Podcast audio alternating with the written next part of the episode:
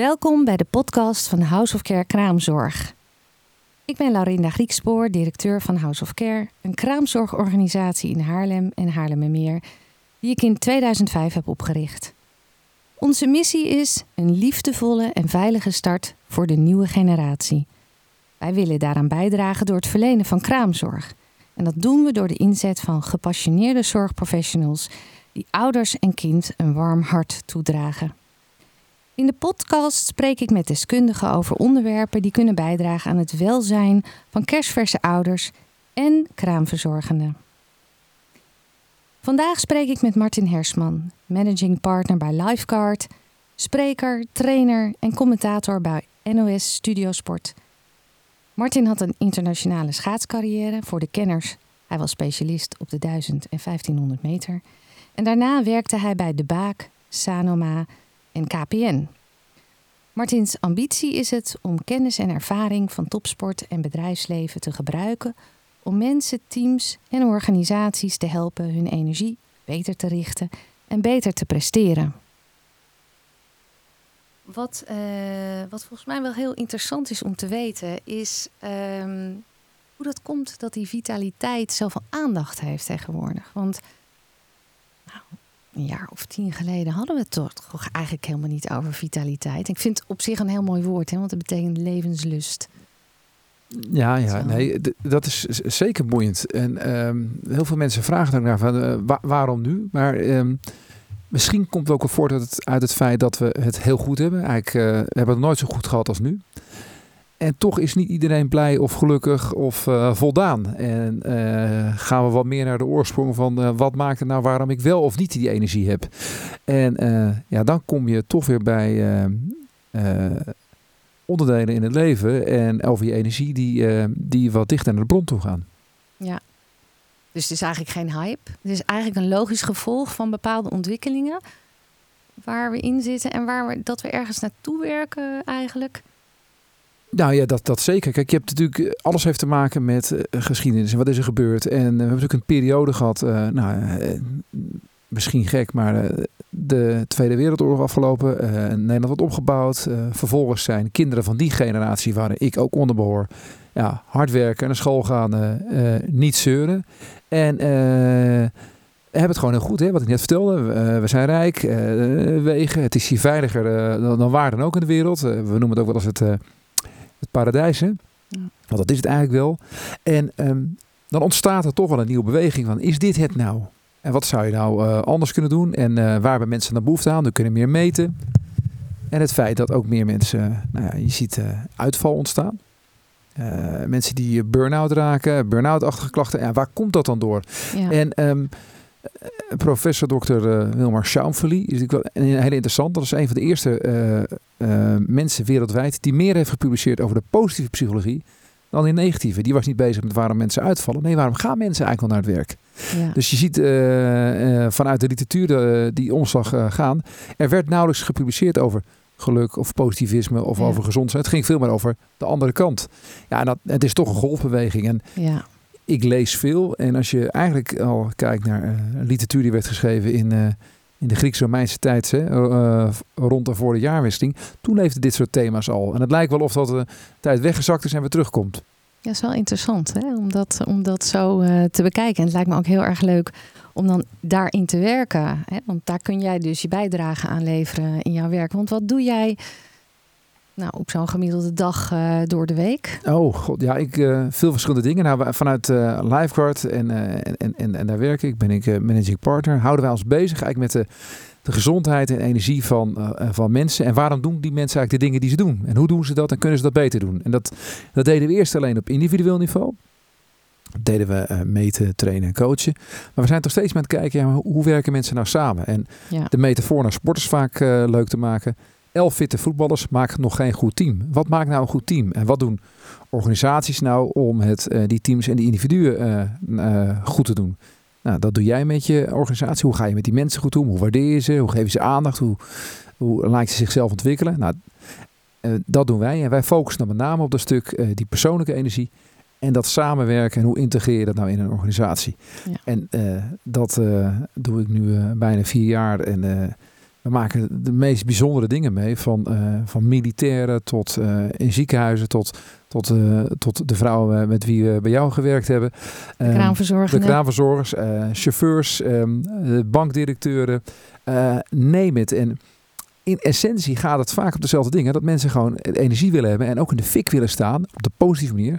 Als ze vrijdagmiddag thuiskomen. Ja, ja. Want uh, dat werkgeluk, dat, dat is natuurlijk uh, ontzettend belangrijk ook voor um, wat daar uiteindelijk uitkomt aan prestatie. Hè? Um, waarom maken jullie zoveel? Want dat, dat viel mij heel erg op in het traject dat wij hebben gedaan nou heb ik ook nog uh, wat eerder contact gehad met jullie. We hebben het heel veel gehad over die relatie die jullie leggen met de sport, inderdaad. Wat jij net zei. Waarom is dat zo'n goede relatie? Kun je daar iets over vertellen? Ja, uh, zeker ook omdat ik zelf sport gedaan heb, hè, alweer een tijd geleden. Maar al jouw collega's hebben uh, Bijna allemaal, ja, ja. Maar oh, we, we, kijken ook naar, naar, muziek. We hebben ook een aantal mensen nu die ervaring hebben met, met, met politie-arrestatieteams. En waarom kijken wij naar sport? Sport is heel puur. Als je daar uh, iets niet goed doet, dan uh, word je heel hard afgerekend. Ja. En wat je in de, Denk in de... even aan Matthijs de Licht, hè? Bijvoorbeeld, ja. Of, uh, vorige week. vorige week. Of je ja. rijdt, als je de 500 meter niet zo fit bent en je rijdt 36.06 en iemand anders rijdt 36.03, heb je gewoon verloren. En dan gaat ja. het over 300ste. En dat is met het blote oog eigenlijk niet te zien. Nee. Maar in de sport word je eigenlijk keihard afgerekend als iets niet goed gaat. En het rendement van iets beter doen betaalt zich heel goed terug. En een sporter gaat vlak voor een wedstrijd eigenlijk minder trainen. Die gaat rusten, uitrusten, omdat hij daar ervaart dat hij beter kan presteren. En in het bedrijfsleven doe je vaker tegenovergestelde. Gaan we nog harder werken? Gaan we s'avonds doorwerken? Gaan we minder slapen? Ja. Dat hoe drukker we het krijgen, hoe erger we eigenlijk... Uh... Ja, hoe harder we gaan lopen. Ja, precies. En uh, uh, ik heb nog nooit een trainer gehad die tegen mij zei als het niet goed ging. Hé Martin, je moet nog meer gaan trainen. En ga nog harder fietsen. En er werd eigenlijk gezegd, Kies de rust eens op. Laat je lichaam herstellen. Zorg dat je, voor je in balans komt. En um, daarom is die metafoor zo leuk. En um, we snappen allemaal dat een tennisser tussen een verkeerde bal en een goede bal 25 seconden de tijd heeft om zichzelf op te laden. En met die 25 seconden, Nadal is daar een extreem voorbeeld van, die pakt dat elke keer. En komen toch heel vaak achter dat mensen in het bedrijfsleven of wat dan ook eigenlijk niet de tijd nemen om gedurende de dag een paar keer te herstellen om weer scherp te worden. Ja, dat herken ik wel. Wat, ja, maar wat doen we nu? Van de ene afspraak naar de afspraak, andere afspraak kijken op ons mobieltje. Heb ik nog een e-mailtje binnengekregen of een LinkedIn bericht of een uh, WhatsApp. Uh, je gunt jezelf eigenlijk niet meer de tijd om eventjes jezelf te resetten. Ja, en dat vult eigenlijk ieder leeg, als het een leeg momentje is. Je vult eigenlijk alle tijd die je hebt op met dingetjes tussendoor. Uh, hè? Ja, met, meer, met, met, met, met input van buiten. En um, wij zijn niets anders dan 8000 jaar geleden. Dat is heel leuk. Uh, Mikke Hofstee, uh, oprichter van Lifeguard, heeft ja. onlangs een boek geschreven. Ja. Dat heet Oormens 2.0. Ja, kan ik iedereen aanraden. is echt een uh, fantastisch boek. ik vond het een fantastisch boek. Ik hou enorm veel voorbeelden van dat wij niet anders zijn dan toen. Maar dat we ons wel heel anders gedragen in deze maatschappij. En dan zeggen mensen wel eens van, nou ja, dat valt er wel mee. Nou, wij veranderen, wij adopteren echt niet in twee generaties tijd. Um, als je dus weet dat, dat wij als mensen 40 tot 50.000 gedachten per dag hebben. Ja. En je bent alleen maar met die mobiel bezig en met elkaar en met meetings, met, met input van buiten. En um, je gaat in bed liggen en je gaat nog steeds op dat ding kijken. En dan ga je liggen en dan denken mensen, nou, dan ga ik nu even slapen. Ja. Maar wat gebeurt er dan? Ja, dit, dat lijf, dat brein wil zich toch resetten, wil opslaan, wil uh, wegzetten. Ja, dan komen die gedachten. En dan gaan mensen piekeren en nadenken. Dus uh, dat is een heel mooi voorbeeld uh, voor mensen om aan te geven. Ja, je bent niet heel anders. Nee. Dan toen. Nee. En dan hebben wij dus moeite met die uh, huidige tijd, met alles wat we daar. En ik zie het bijvoorbeeld ook bij mijn kinderen, maar ik zie het ook bij mezelf. Ik zie het bij mijn collega's.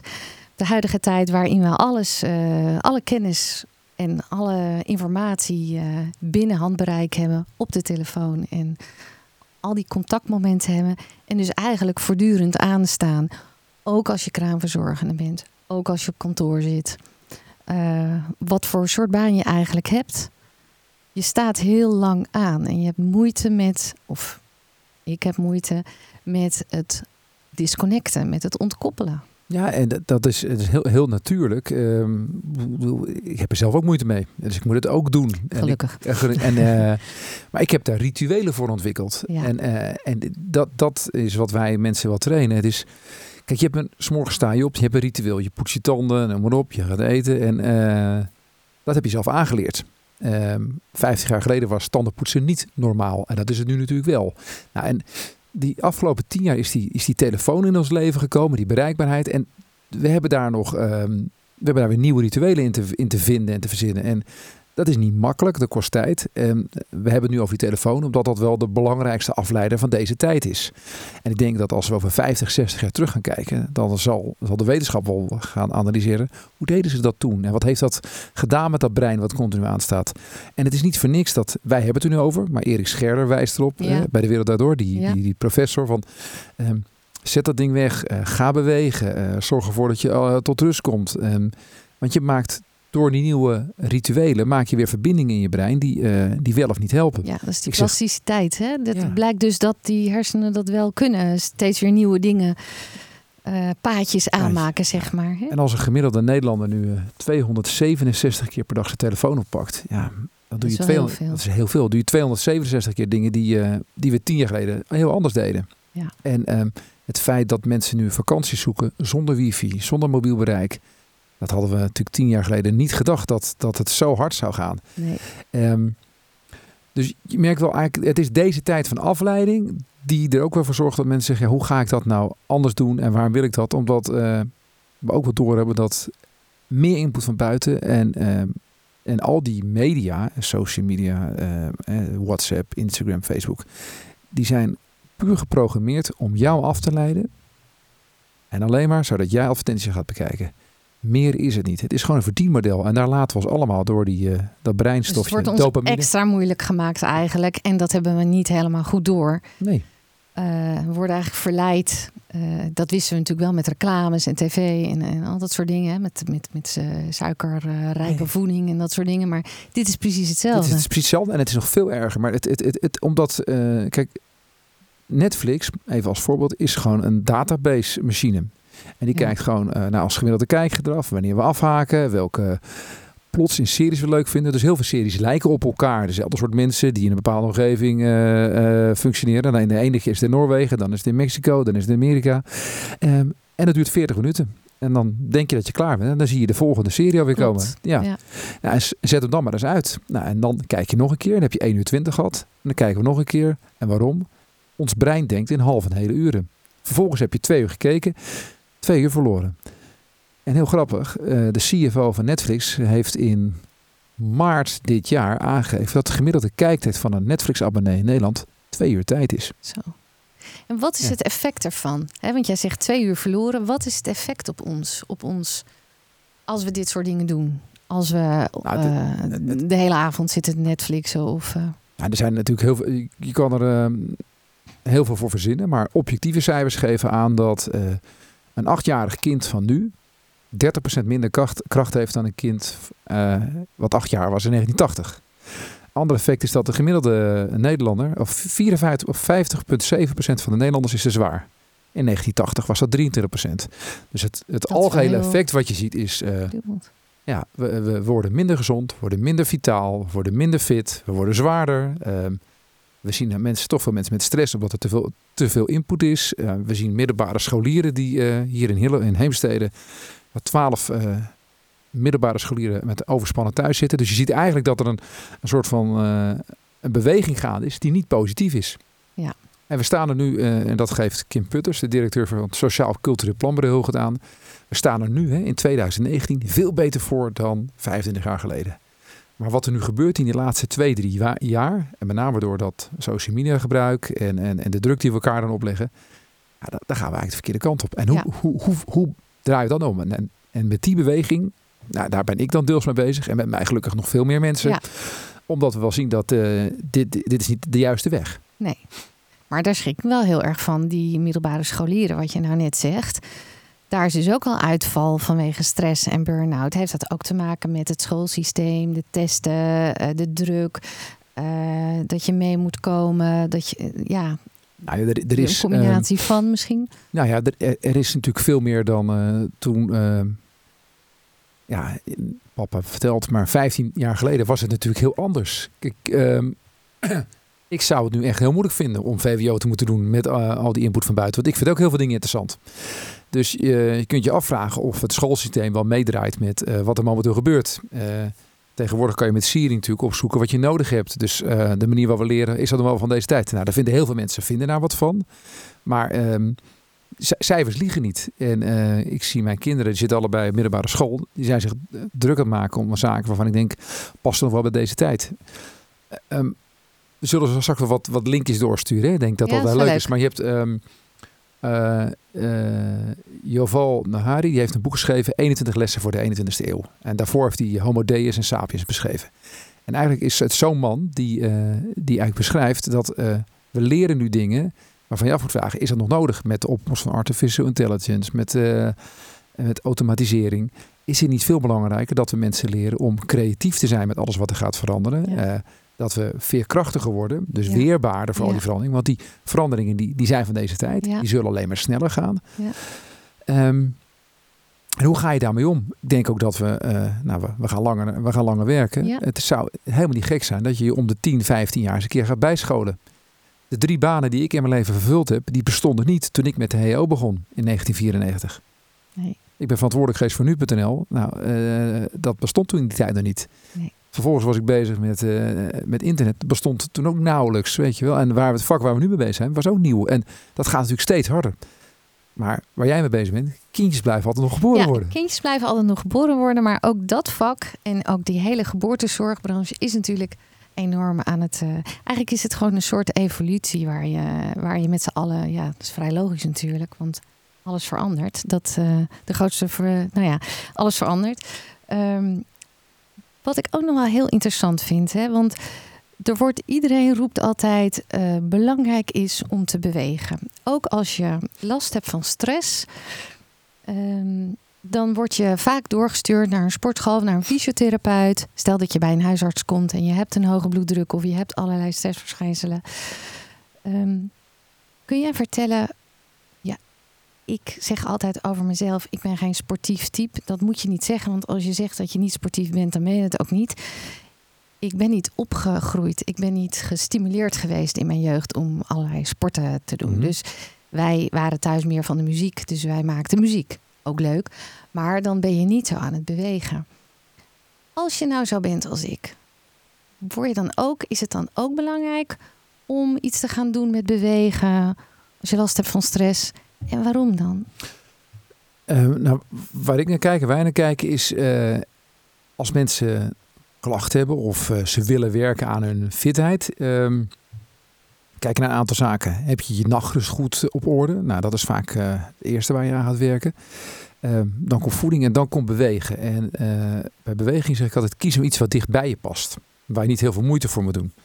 Um, als je uh, ik zeg maar, een stratenmaker moet je, moet je bijvoorbeeld niet vragen om een plafond te witten. Dus wat past nabij en wat vind je leuk om te doen? En um, wat kost weinig moeite? Kijk, ik kom uit een omgeving waar uh, sport heel normaal was en uh, ik heb daar geen moeite mee. Tegen types je vindt het zelfs leuk, hè? Ik vind het leuk, maar tegen types dat... mij moet je zeggen, doe eens wat minder. Doe, doe, ga gewoon eens een keer naar buiten staren, dat is heel goed. Um, sporten hoeft voor mij niet per se. het is ook niet het eerste wat ik zou adviseren, maar um, bewegen zorgt er wel voor, en dat is gewoon objectief uh, onderzoek aangetoond, dat je, dat je brein daar weer uh, doorbloedingen stimuleert. Dat je je vrijmaakt voor creatieve ideeën, dat je open staat voor de juiste dingen en dat je daar ook veerkrachtiger wordt. En uh, stilzitten, daar zijn we niet voor gemaakt. Nee. Ik zeg wel eens gekscherend, we zijn gemaakt om te liggen en te jagen. Um, maar mensen worden ook wel weer gelukkiger en creatiever als ze wat gaan bewegen. En sport per se hoeft niet, maar Bewegen wel. bewegen wel. En uh, zoek dan wel die groene omgeving op. Alleen die groene omgeving vinden is steeds lastiger. Uh, en we zitten nu midden in Hoofddorp. Ja, nou ja, bij ons achter is nog wel een uh, lekker plekje te vinden. Nou ja, dat is wel heel interessant, want ik heb dat zelf dan gezien ook. Um, ik deed zo'n test bij jullie. Hè. Wij doen een traject, een vitaliteitstraject uh, bij Lifecard. Om te kijken um, ja, hoe we met z'n allen lekkerder in ons vel kunnen zitten. Zowel fysiek als mentaal. En uh, dat we ook beter kunnen omgaan met alle veranderingen en alles wat er op ons afkomt. Dat we leren beter voor onszelf te zorgen. Um, en ik had zo'n test en ik geloof dat mijn bloeddruk, mijn bloeddruk is nooit hoog, maar mijn bloeddruk was op dat moment een beetje hoog. Misschien vond ik het spannend om die bloeddruk te laten meten, zou zomaar kunnen. En ik moest fietsen daarna om uh, te testen, uh, bepaalde dingen te testen, hoe fit ik was. En ik dacht, oh jee, ik heb volgens mij al vijf jaar niet meer op de fiets gezeten. Hooguit voor een boodschapje bij de Hoogvliet of zo. Ehm, en ik moest negen minuten fietsen. Daarna werd mijn bloeddruk opnieuw gemeten. En toen was die bloeddruk dus perfect. En toen legde jouw collega mij uit dat er van alles gebeurt met de hormonen cortisol en. Testosteron. Ja, of was het uh, adrenaline? Ik weet het niet. Maar uh, door uh, het omhoog gaan van die hartslag gaan er allerlei processen, chemische processen in je lijf aan de slag om als het ware een balans te vinden om die stresshormoon een beetje af te bouwen en daar een, uh, een, een meer een ander hormoon wat, wat we nodig hebben in balans te vinden. Dat, dat was heel goed voor mij, want dat was een bewijs, want anders had ik het nog niet eens geloofd. Maar dat was de reden voor mij waarom ik dacht, ik ga bewegen. En uh, ik ben niet gaan fietsen. Nou, ik fiets wel eens hoor. Maar ik ben niet zozeer heel erg gaan fietsen. Ik ben gaan wandelen. En uh, dat doe ik iedere dag. Ik kan er nu niet meer buiten. Ik doe het inmiddels twee jaar. Maar je bent dus een duidelijk een ritueel ingesloten. Het is een ritueel geworden. Ik doe het iedere ochtend.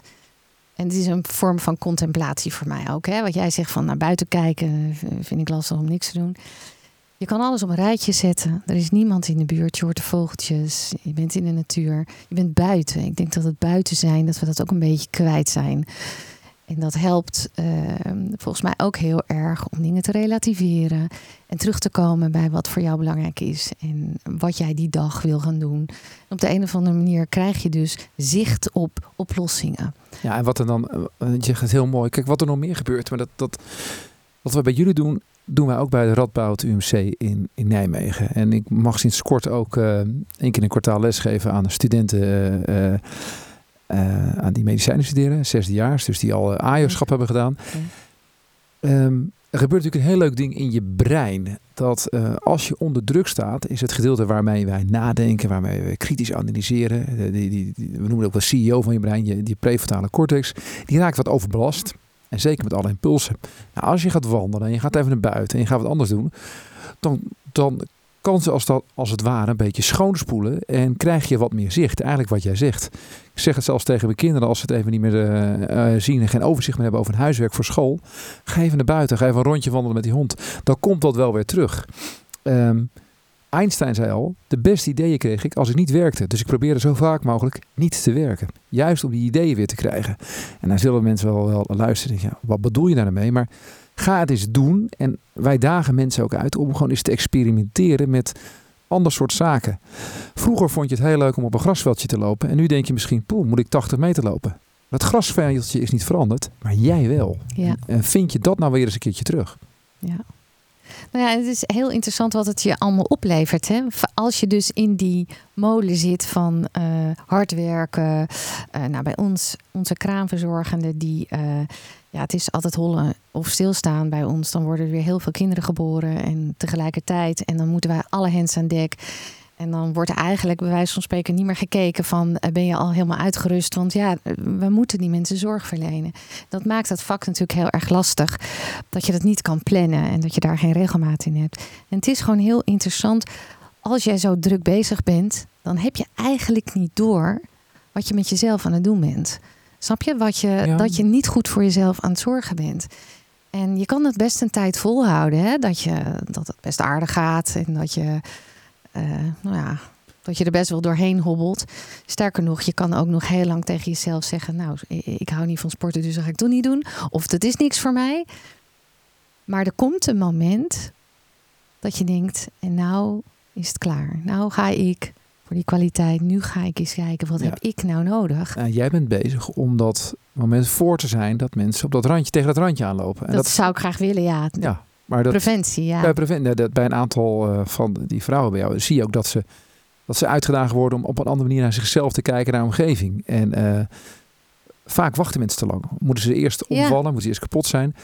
Maar je auto laat je jaarlijks controleren. Je computer uh, krijgt re re uh, redelijk vaak een, een, update of je ja. mobieltje. Ja. Je gaskachel moet je na laten kijken. Maar jezelf gun je die, die aandacht en die tijd vaak niet. Waarom niet? Waarom doen we dat niet? Ja, dat is toch iets wat in de mens zit. Hè? We hebben moeite met, met veranderen. En als we eenmaal in een patroon zitten, blijven we daar een beetje in. Maar we zijn ook gewoontedieren. Nou, ja.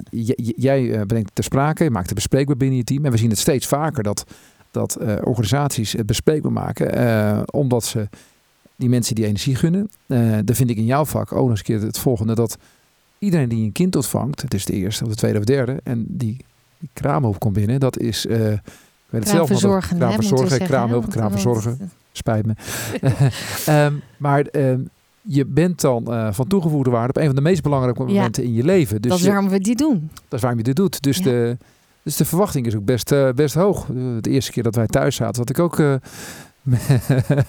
als, een, als een hert in de koplamp te staren. Wat moet ik nu doen? Ja. de eerste keer. En, en, en voor jullie is dat heel gewoon, maar dat is het natuurlijk niet. Dus er wordt gewoon heel veel verwacht. En ehm, wat mij wel opviel toen wij uh, met, met jouw club bezig waren, dat, dat een aantal zich daar heel bewust van was. Ja. En, een, uh, en uh, enkeling ook zei, ja, ik heb even dit moment nodig om, om mezelf toch even te resetten. Waarom deed ik het? Wat vind ik leuk? En ben ik, zoals ik nu ben, ga ik dit nog tien jaar volhouden? En die vragen stellen we vaker aan mensen. En niet alleen bij jou. Maar hou je dit nog, nog tien jaar vol? En dan moeten toch heel veel mensen zeggen, denk het niet. Ja. ja. maar dat is dus heel belangrijk. Je wil met elkaar iets bereiken. Je, wil, je, je hebt een liefde voor een vak. En hoe zorg je er nou voor dat je met elkaar en individueel goed voor jezelf blijft zorgen dat je dat inderdaad nog heel lang kan doen? Want je bent waardevol, je bent belangrijk voor die gezinnen. Je bent het hou, hou vast. En wij, ik zeg wel eens, het is preventieve gezondheidszorg, uh, uh, kraamzorg. Want ja, wij zijn de enigen die zoveel uren en zoveel dagen achter de voordeur bij de gezinnen. Wij zien alles en ja, kunnen dus alles signaleren wat er nodig is om, uh, om de ouders, de jonge ouders, echt te leren ouder te worden. Ja, en maar toen, toen wij daar bezig waren met, die, met, met, met, met jullie, zeiden jullie ook van, en daar werden jullie ook wel bewust van, dat als uh, dat je in een korte tijd rituelen in zo'n gezin ja, aanlegt om het goed te doen. En ja. um, het voorbeeld, uh, je kunt, als je daar met aandacht bij je kind bent, uh, als je dat aan gaat leren, dan, dan zit dat ook in het systeem van die jonge moeders. Ja. Op het moment dat, is dat je, erg belangrijk voor de hechting, hè? de hechting tussen het kind. En dat is weer belangrijk op de lange termijn voor het kind om relaties te kunnen aangaan. Ja, en dat vond ik mooi dat, dat, dat een van jouw collega's ook vertelde. Ja, ik moet toch uitleggen dat je geen borstvoeding kunt geven en tegelijkertijd je Facebookpagina uh, naar beneden door kunt scrollen. Ja.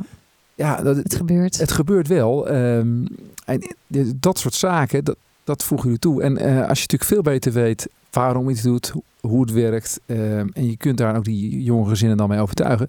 Dan wordt dat rendement natuurlijk ook veel groter van die inspanning als je daar dan bent. Ja. Um, jij doet dat. We merken dat bij dat Radboud UMC ook. Uh, veel meer naar die uh, ja, integrative health. Dat je eigenlijk vanuit deze rol mensen dus iets mee kunt geven. Dus degene die jij beïnvloedt, beïnvloedt ook weer andere mensen. Precies. En dat is wel iets waar ik heilig in geloof. Dat als meer mensen daar op een gezonde manier mee bezig zijn. Je maakt het op een leuke manier bespreekbaar dan wordt dat gedrag ook wel veranderd. En dat zien we nee, in jouw vakgroep, maar dat zien we ook met chirurgen die eigenlijk zeggen na 50 jaar, eh, op een vijftigste, ik ben eigenlijk helemaal niet gezond bezig. Nee. Ik ben maar. Uh, terwijl je dokter bent, hè? Terwijl je dokter bent. Uh, dus je zou het hebben kunnen. Ik heb een chirurg gesproken die, uh, die bewust geen water dronk voordat hij een dag moest opereren. Nou, als je dan weet dat je brein voor 80% het water staat, benut je dan wel het maximale potentieel van je brein toen moest die man toch nee schudden. Ja, en dat, ja, wat doe je daar dan mee? En dat soort zaken aanpakken uh, vind ik mooi. En uh, in die sportwereld, als je dat niet goed doet, dan zie je dat meteen. En uh, misschien maak je dan in je, in, je, je, zakelijk leven, bedrijfsleven, wat kleine foutjes. Maar kan het optimaler? Kan het leuker? En wat ik zelf het meest terugkrijg, van nu van ook buitenlanders die we mogen begeleiden. een Indiër onlangs, die zei, ik I'm a better father nou. Ik ben een leukere vader geworden door het feit dat ik hier wat meer mee bezig ben geweest. En dat is toch wel een, uh, waarvan ik het, het, heilige geloof heb dat we dan als Nederland nog veel beter en leuker kunnen maken. Ja, nou dat herken ik ook wel. Want sinds ik uh, uh, door jullie een beetje ben aangestoken, ja, zo zou je het wel kunnen zeggen. Uh, zeggen mijn kinderen ook, geef je dat soort dingen ook wel terug van mam, je bent veel relaxter. Het is wel interessant, want nou, daar weet mooi, je... Een heel mooi compliment. Ja, en uh, je leert het je kinderen ook weer. Hè? Want je geeft... Ja, je bent toch het voorbeeld. Ze luisteren niet naar wat je zegt, maar ze kijken naar wat je doet. Ah, wat je mooi. doet, hè? Ja, dat is gewoon is, zo. Ja. Dus wat dat betreft... Um, ja, dat, dat is de mensen met wie je omgaat. Eigenlijk um, ja, beïnvloed je je altijd elkaar. En dat kan positief of negatief zijn. Nog heel even terug naar die, naar die jonge ouders. Um, wat zouden we, wat, wat zouden we daarover kunnen zeggen? Want je zei net van. Um... Ja, we spraken elkaar van tevoren eventjes. Als je naar die jonge ouders kijkt. En ik denk, ik heb nog na zitten denken ook wat je net zegt. En eigenlijk die laatste quote hè, die je net noemde. Ik, ik herhaal hem even. ehm, kinderen kijken niet naar wat je, luisteren niet naar wat je zegt, maar ze kijken naar wat je doet. Dus voorbeeldgedrag is ontzettend belangrijk. Ja. Ehm, de Amerikaanse schrijver zei ooit, Jim Rohn heet hij, je wordt het gemiddelde van de vijf mensen die, die je het meest ziet. Exact. Nou, kleine kinderen in die eerste levensfase zien hun familieleden, ouders, opa's, oma's het meeste. Dus wat voor gedrag vertonen zij dat? En daarmee eh, programmeer je dat brein. En dat gaat later, heb je daar wat minder invloed op. En dan hoop je maar dat ze de juiste vriendjes ontmoeten. Dus voorbeeldgedrag is gewoon enorm belangrijk. En ehm, als je daar bewust van bent, ja, eh, wat doe je dan? Ja, precies. En als je nou, eh, als je nou kijkt naar die, die, die eerste fase, hè, je bent net bevallen. Ehm, nou ja, je, stel je, je, bent bevallen van je eerste kind. Mijn ervaring is met onze klanten dat uh, meesten hebben weinig ervaring met baby's. Dus wij kunnen heel veel leren, vooral in het begin. Maar het leven staat op zijn kop. Alleen, het is niet alleen zo dat de, die ontwikkeling die we net schetsten, hè, over hoe we, uh, hoe we omgaan, dat we in, toch in een soort van uh, snelle wereld zitten waar we, waar we eigenlijk niet helemaal opgebouwd zijn op hoe we het nu doen. We hebben ook te maken met uh, dat er allerlei eisen aan ons gesteld worden. En het zijn ook vaak eisen die eigenlijk helemaal niet uitgesproken zijn. Waar wij mee te maken hebben, is dat er veel moeders zijn die het zo goed willen doen. Dat ze zichzelf eigenlijk nou ja, tekort doen. En um, ja, die, dat, die ook, als je bijvoorbeeld geen borstvoeding geeft, of als het niet helemaal lekker loopt, of als je bijvoeding moet geven, of als je toch een flesje gaat geven, dan voelen ze zich mislukt of dan ben je geen goede moeder. Dat perfectionisme, dat, dat nou ja. Zie jij dat, is dat erger geworden dan uh, ja. 15 jaar geleden? Ja, het wordt steeds erger. En is dat ook social media wat beïnvloed heeft? Ja. Ja, ja. ja, en het is toch veel buitenkantwerk, want het is natuurlijk helemaal niet waar dat je geen goede moeder bent. Wij roepen ook altijd, um, ja, het is fantastisch als je borstvoeding geeft en als, je het, als het lukt en als het kan. En wij gaan je er helemaal mee helpen. Maar als je zelf het putje ingaat na drie weken en je kan er niet meer zijn voor je kind omdat je zo moe bent en omdat er zoveel gedoe is, ja, dan ben je eigenlijk veel verder van huis. Dat is, dus die keuze is eigenlijk helemaal niet moeilijk. Uh, maar het is wel buitenwereld een beetje hoe dat gecommuniceerd wordt. En mensen hebben daar wel last van. Net als dat uh, ja, veel dingen terug te vinden zijn op Google. En, uh, ja, maar, en, en, maar ook de zekerheid en de controle willen hebben over iets wat gewoon nog moet ontwikkelen natuurlijk. Hè, in die, uh... ja, ik, denk dat, ik denk dat dat eigenlijk wat je zegt, de, de, de buitenwereld, en dat geldt in, in deze wereld nou de, de, extreem. Zeker, zeker nu. En ik ken ook influencers die een heel mooi plaatje schetsen van zichzelf. Maar als je ze echt spreekt, dan zie je dat het anders is. En dan, uh, Precies. ik wel heel jammer. Dus het, het, het wordt nu ook steeds uh, meer gemeengoed. Ook van grote merken zoals Nike, die nu tot met plus-size modellen gaan komen. Met meer reële beelden van uh, hoe, hoe het nou ook zou kunnen zijn. Um, er is ook wel een nieuwe beweging bezig in, in, in, in, in, in de psychologie die veel meer bezig is met acceptance. Dus accepteer nou ja. dat het niet allemaal perfect is. En dat mag ook wel. Um, is dat die wa um, even denken hoor. Uh, wa wasabi? Uh, nee, dat is het niet. Want dat is. Er is een, uh, een, een, een, term voor dat, het, dat de schoonheid in imperfectie zit.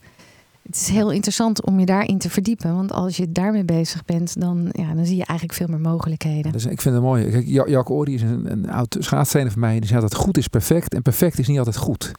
En, uh, dat is waar. En dat, ja. dat vind ik ook een mooi. Maar dat, dat heeft ook wat te maken dat moeten we met z'n allen uh, die beweging uitstralen. En die moeders die staan alleen en die, uh, iedereen vraagt hoe gaat het dan? Nou, WhatsApp fotootje erbij, Instagram, Facebook. Geniet ervan hoor, zeggen ze dan. Geniet, Geniet van ervan. deze tijd. Maar ze gaan half dood, want ze hebben bijna geen, nee, geen, eerste... geen slaap in die eerste nee, paar weken. Dat, is, ik, ik, dat stond niet op het kaartje. Hè? ik heb het zelf ook ervaren. Maar ik denk met name, ik heb, ik heb het hier ook opgeschreven. Voor mij is, is wel het kernwoord toch wel steeds meer geworden doe dingen nou met aandacht. Ja. En aandacht voor je kind en voor elkaar. En um, uh, het was een aantal jaar geleden makkelijker. In uh, 1988 had je twee televisiezenders en die gingen gewoon om 11 uur uit. En nu gaat het maar door en je wil overal maar bij horen. En dat kan helemaal niet. Nee. Alleen mensen kunnen er wat tegen jezelf, tegen jou zeggen, maar je hebt het toch te ervaren. En ik denk dat voorbeeldverhalen, mooie anekdotes, die brengen jullie. Maar daar moet je dan op dat moment wel open voor staan. Maar het is nogal wat in een en zeker de doelgroep die jullie vaak bedienen. Mensen die, die en allebei werken. En dan komt er een kind bij. Dan moet allemaal perfect zijn. En zes weken later wil je weer uh, kun, kunnen joggen. Dat kan helemaal niet. Doe even normaal. Ja. Maar met name die, die aandacht voor uh, het kindje, voor elkaar, voor die rust. Dat is, uh, en zeker in, in, in de fase, in de groepen mensen waar jij bij komt, dat is toch wel key. Um, we begeleiden ook een hoop young parents. Eerst was het alleen young mom, top mom. Maar kwamen ook jongens naar ons toe. Zeggen, ja, ik wil ook naar dat programma toe. Want ik weet ook niet hoe ik het moet doen. Ja. dat is toch super gaaf dat, dat, dat, dat, dat nu ook kan. Um, maar met name aandacht. Um, dat je snapt wat er gebeurt als je onder druk staat. Dat, je, dat we elkaar ook weer gek maken. Is helemaal nergens voor nodig. En, en, en als je net bevallen bent, dan uh, is die hele hormoonhuishouding natuurlijk. Uh, die gaat van, uh, van min nul naar ergens onder nul. Gaat naar heel hoog weer. En dat schommelt enorm. Daar heb je last van je hebt last van die uh, gebroken nachten. Nou, als je weet wat uh, het gebrek... doet, ja. ja, want hoe zit het ook weer? Dat wilde ik nog sowieso aan je vragen, want dat vind ik zelf erg interessant. Je hebt het wel eens gehad over slaapschuld. Wat is dat precies? Nou, uh, wij, wij vragen vaak aan een aantal mensen, nou, uh, hoeveel uur zou je willen slapen in een week? Wat, zou, wat past nou goed bij jou? En wees er nou eens eerlijk van. En als mensen het niet weten, dan vragen we wel eens: hoeveel uur slaap je nou per nacht als je drie weken met vakantie bent? En dan komt er een reëel getal per nacht uit wat eigenlijk bij jou hoort. En voor de een is dat uh, eh, 7,5 uur, de ander is het 8 uur, de ander is het 8 uur 20 minuten. Nou, en hoeveel heb je nou die week geslapen? Nou, dan zie je toch dat heel veel mensen uh, gedurende een week elke nacht een uurtje of anderhalf uur, uh, een half uur te kort slapen. En heb je aan het eind van de week bouw je zo een slaapschot op van 3, 4 uur. Nou, dat compenseer je niet zomaar. Nou, als je daar bewust van bent en Echt waar. In elke groep waar ik kom en ik vraag aan mensen uh, wie zou er meer willen slapen, gaan bijna alle handen omhoog. Nou, eigenlijk kun je een copingstijl, dus een strategie ontwikkelen dat je wat vaker voor gaat slapen. Ja. Op, zondagavond of op maandagavond, dat is mijn copingstijl. Maar uh, er zijn nu ook steeds meer theorieën bezig. Eh, Casper uh, Jans is daar een voorbeeld van. Hij heeft een boek geschreven over uh, NASA-neppen. Dus eigenlijk die, die korte slaapjes gedurende een dag een half uurtje. Daar kun je ook wat slaap mee compenseren. Maar slaapschuld wil eigenlijk zeggen, ehm, wat heb ik idealiter nodig en waar kom ik uiteindelijk toe? En dat is vaak een som die, uh, die negatief is. En dat is dus bij die jonge moeders, nou vaders waarschijnlijk ook, maar bij jonge moeders uh, sowieso, zeker als je borstvoeding geeft, want dat moet je zelf doen, s'nachts, um, is dat wel degelijk het geval. Um, als we dat nou even, als we dat zouden kunnen, als we daar nou een praktische tip aan zouden kunnen geven, dan zouden we dus vooral moeten zeggen probeer te pakken die momenten overdag dat je wel even kan slapen. Dat geven wij als kraamzorgorganisatie of als de kraamzorger natuurlijk altijd aan. Van blijf die middagslaapjes nou gewoon doen. Ga niet denken van nu ga ik even mijn was wegwerken, want nu kan ik eindelijk strijken. Of, of een Facebookpagina ik... aanvullen. Ja, of, of, doe even, even doe even, ga even lekker liggen. Um, mijn moeder zei altijd: slaap je niet, dan rust je toch. Hè? Als ik dan niet kon slapen midden op de dag, dan ga je toch even liggen. En wat wij ook altijd zeggen, maar ik weet dus niet of dat een beetje ook is wat jij bedoelt. Je hebt natuurlijk te maken met allerlei voedingen. Hè? Je hebt zo'n 6, 7, 8. Het ligt er een beetje aan hoe oud je, uh, je baby is. Uh, voedingsmomenten op een dag. En je zou bijvoorbeeld kunnen zeggen: uh, Nou, voeding om 7 uur s avonds. Je hebt met elkaar gegeten. Um, ga na het journaal om 8 uur. ga jij lekker liggen.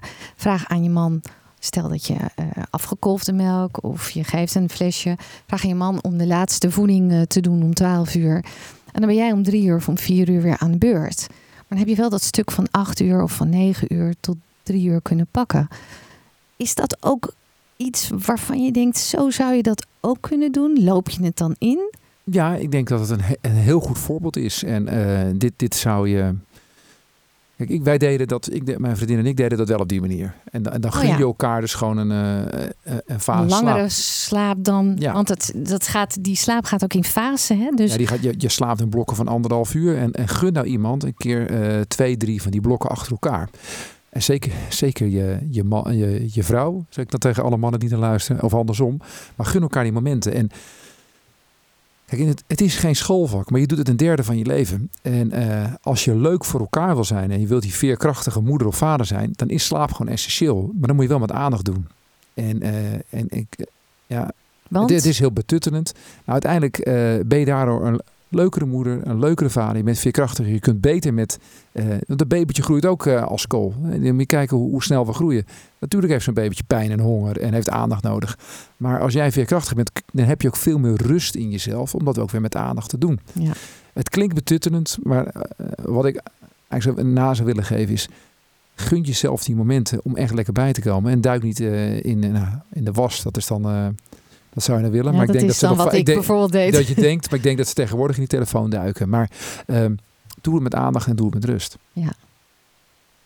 Nou, ik denk dat dat een uh, hele mooie afsluiter is voor uh, dit gesprek.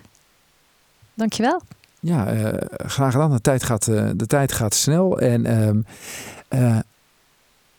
ik, als je getriggerd wordt nu door dit soort zaken, um, Google uh, kan je slim en kan je dom maken. Maar er zijn gewoon heel veel leuke sites beschikbaar die uitleggen hoe je brein werkt uh, onder stress en onder, druk. Er zijn YouTube filmpjes voor. En als je zegt, nou ik wil daar wat meer van weten. Um, laten we wat linkjes uh, achter waar, waar je dat goed kan zien. Um, ze kunnen eventjes contact zoeken natuurlijk via LinkedIn. Maar ik denk namelijk dat als we met, met elkaar gewoon dat beter kunnen doen. Dus beter beseffen wat aandacht doet, wat rust doet, wat herstel doet. Dan ben je veerkrachtiger, kun je leuker presteren. En dan ben je inderdaad, uh, als je hebt over ouders, ben je gewoon een veel leukere vader en moeder. En dan is het hele ouderschap ook veel leuker als jij er relax in zit. Dat merk ik nu ook weer. En je bent een leuke de connectie. en een leuke partner. Maar de connectie met je kinderen is, uh, is uh, van een veel grotere en... Um, is uh, kwaliteit, heeft veel meer impact op je. En uh, dus laten we dat zo doen. We gaan afsluiten. We zullen een aantal linkjes toevoegen. En uh, dankjewel. Heel graag gedaan.